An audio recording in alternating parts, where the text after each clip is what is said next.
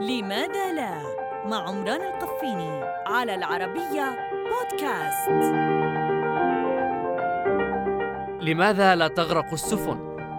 يحمل البحر قنطارا ولا يمسك مسمارا. أي أن السفينة المحملة بآلاف الأطنان تطفو وتشق طريقها في الماء بينما يغرق المسمار فورا. أغلب السر يختبئ في الكثافة فالخشب الذي بدأت به صناعة السفن أقل كثافة من الماء. وبهذا يطفو. أما المسمار الحديد فكثافته أعلى من الماء لكن السفن منذ القرن الثامن عشر مصنوعة من حديد وتحمل حديدا.